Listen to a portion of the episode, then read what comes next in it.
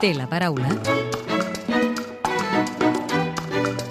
Soc la Raquel Sans Guerra, diputada d'Esquerra Republicana al Parlament per la demarcació de, de Tarragona. Com valora que Junts per Catalunya s'hagi despenjat de la reforma de la llei de política lingüística que havia de servir teòricament per fer front a la sentència del 25% del castellà?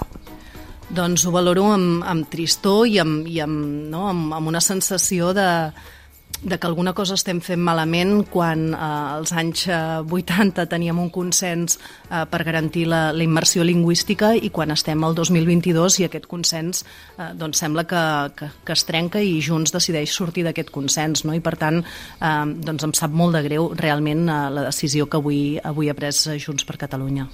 Tot i que s'ha escardat aquest consens, Esquerra és partidària de mantenir aquesta reforma de la llei de política lingüística encara que sigui sense Junts i només amb els comuns i el PSC?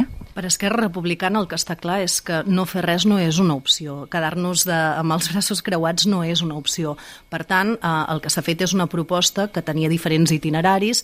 Eh, un d'ells era la reforma d'aquest marc normatiu que passava per, per dues qüestions. No? D'una banda, la modificació de la llei de política lingüística i de l'altra, eh, l'elaboració del decret que desplega la LEC per part de, del Departament d'Ensenyament eh, d'Educació. Eh, llavors, tenint en compte que aquesta era la, la necessitat, eh, nosaltres segui, seguim creient que aquesta és la necessitat i que aquesta és la millor proposta, no? I, per tant, seguirem treballant per ser el màxim de grups possibles en, en aquest consens, no? Eh, ens agradaria que Junts per Catalunya hi fos, ens agradaria que hi fos com hi va ser el 24 de març quan es va presentar aquesta proposta, per tant, eh, farem tots els esforços possibles perquè ho hem dit des del primer moment, eh, la llengua no és una qüestió de partit, no és una qüestió d'independentisme, és una qüestió de país, és un element de cohesió, és una columna vertebral del nostre país i, per tant, eh, com més siguem, eh, doncs més eh, garantida estarà la defensa d'aquesta llengua. Una altra de les crisis obertes és la del Catalan Gate. La destitució de la directora del Centre Nacional d'Intel·ligència no ha servit aquesta setmana per rebaixar la tensió entre Esquerra i el govern espanyol per l'espionatge a l'independentisme. Si no dimiteix la ministra de Defensa, aquesta crisi seguirà oberta? La crisi seguirà oberta mentre no hi hagi transparència, mentre no sapiguem què va passar, eh, per què ens van espiar, qui va decidir que ens havien d'espiar, eh, qui ho sabia, eh, qui ho autoritzava, qui ho pagava, no? És a dir, fins que no tinguem aquesta desclassificació de, de, de tots els documents, fins que no es depurin les responsabilitats associades a totes aquestes respostes que, que hem de tenir i fins que no ens garanteixin que això no tornarà a passar. Per tant, no és una destitució maquillatge la que, la que esperem eh, davant d'una de les principals crisis de, de la democràcia de l'Estat, sinó que el que volem eh, és molt clar, eh? transparència, assumpció de responsabilitats, totes les responsabilitats, totes les que calgui en funció doncs, de, de la, la respostes que tinguem a aquestes qüestions i finalment també garantir que això no es torni a produir en el futur. El Parlament ha aprovat precisament aquesta setmana i a proposta del seu partit una moció que demana la destitució de la ministra de Defensa. Entenc que, que com a mínim és una de les responsabilitats que demanen que es depuri. Sí, sí, és una de les responsabilitats i més sentint doncs, eh, no, la manera com s'expressava la ministra de Defensa que va arribar a menys tenir eh, no, el, el, en aquest cas l'espionatge als nostres companys i companyes. Per tant, eh, és evident que, que cal de, depurar responsabilitats al màxim nivell, però no n'hi ha prou. Eh? És a dir, no, això no va d'un nom concret, sinó que això va d'uns fets molt greus, d'una un, extrema gravetat, i per tant el que necessitem és saber realment qui ho va encarregar, eh, no? qui ho sabia, quin estava el cas i qui ho pagava. I un cop sapiguem, un cop tinguem totes aquestes respostes, doncs demanarem totes les responsabilitats, totes, absolutament totes, perquè estem parlant d'un atac a la democràcia. Confia que la reunió entre els presidents Pere Aragonès i Pedro Sánchez servirà per tancar la crisi o per restablir la confiança perduda? En tot cas, servirà per començar a, no? alguna cosa, perquè si no seus i no parles, si no dones la cara, en aquest cas si el govern espanyol no dona la cara, si el govern espanyol no assumeix la seva part de responsabilitat, doncs és impossible no? que, que la crisi com a mínim es comenci a, a tenir vies de solució.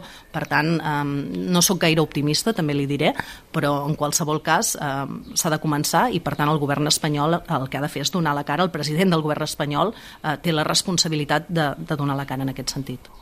Els seus socis de Junts per Catalunya i també la CUP demanen insistentment a Esquerra que trenqui qualsevol relació amb el PSOE i el govern espanyol.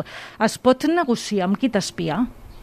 Ho hem dit, és a dir, les relacions estan congelades eh, perquè entenem que no es donen les condicions actualment per poder eh, no, eh, dur a terme aquesta negociació que estem parlant de la resolució d'un conflicte polític i per tant ara mateix no es donen aquestes circumstàncies i aquestes garanties. Mentre no es donin aquestes circumstàncies i aquestes garanties, doncs és evident que no, les relacions estan congelades tal i com s'ha dit en reiterades ocasions per part del president aragonès.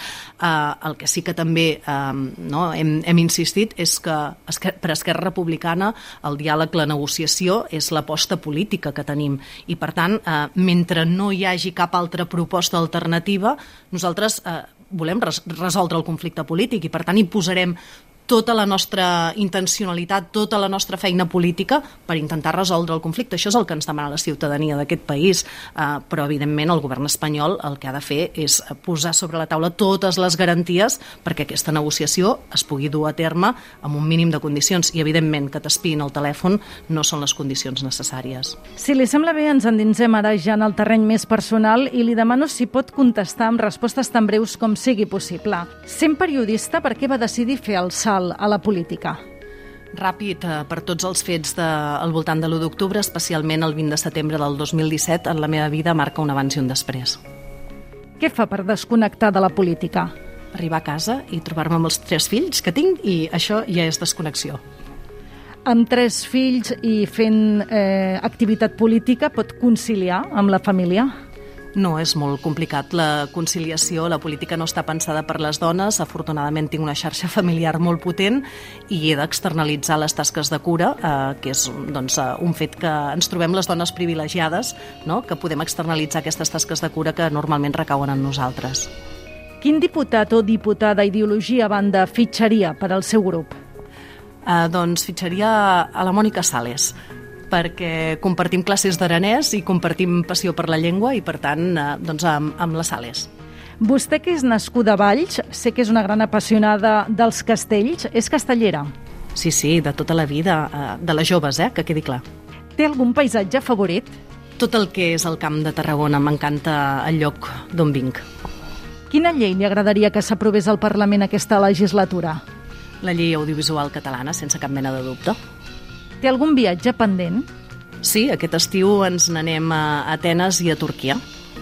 I ja per acabar, completi la frase següent. El que més m'agradaria del món és... El que més m'agradaria del món és deixar als meus fills un món millor del que m'he trobat. Raquel Sanz, diputada d'Esquerra Republicana al Parlament, gràcies per atendre'ns a l'hemicicle de Catalunya Informació. Moltes gràcies a vosaltres.